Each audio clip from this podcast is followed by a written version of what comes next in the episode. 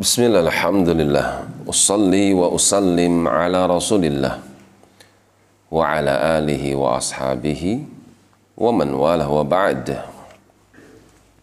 Masih di dalam surah Luqman Sampai pada firmannya Numatti'uhum qalilan.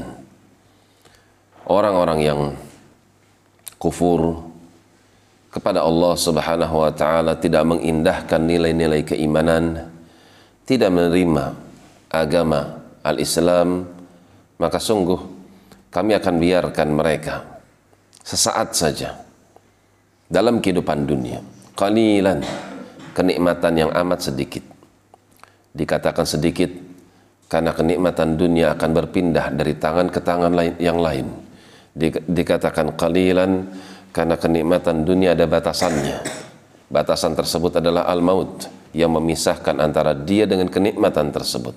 Qalilan. Numatti'uhum kami akan berikan kenikmatan-kenikmatan untuk mereka qalilan. Sedikit saja.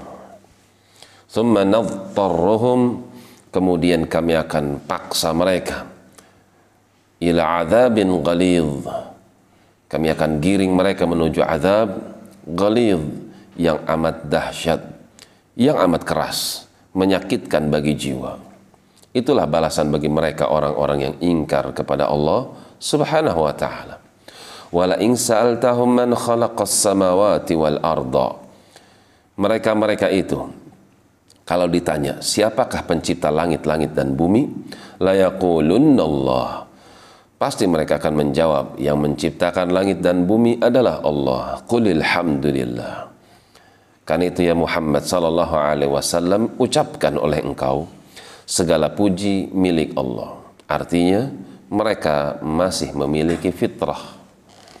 Bal aktsaruhum la ya'lamun. Hanya saja kebanyakan mereka tidak mengetahui disebabkan karena rusaknya fitrah mereka maka mereka tidak bisa bersyukur kepada pencipta mereka sendiri sementara mereka sadar bahwasanya pencipta mereka adalah Allah Subhanahu wa taala. Demikian wallahu taala alam bis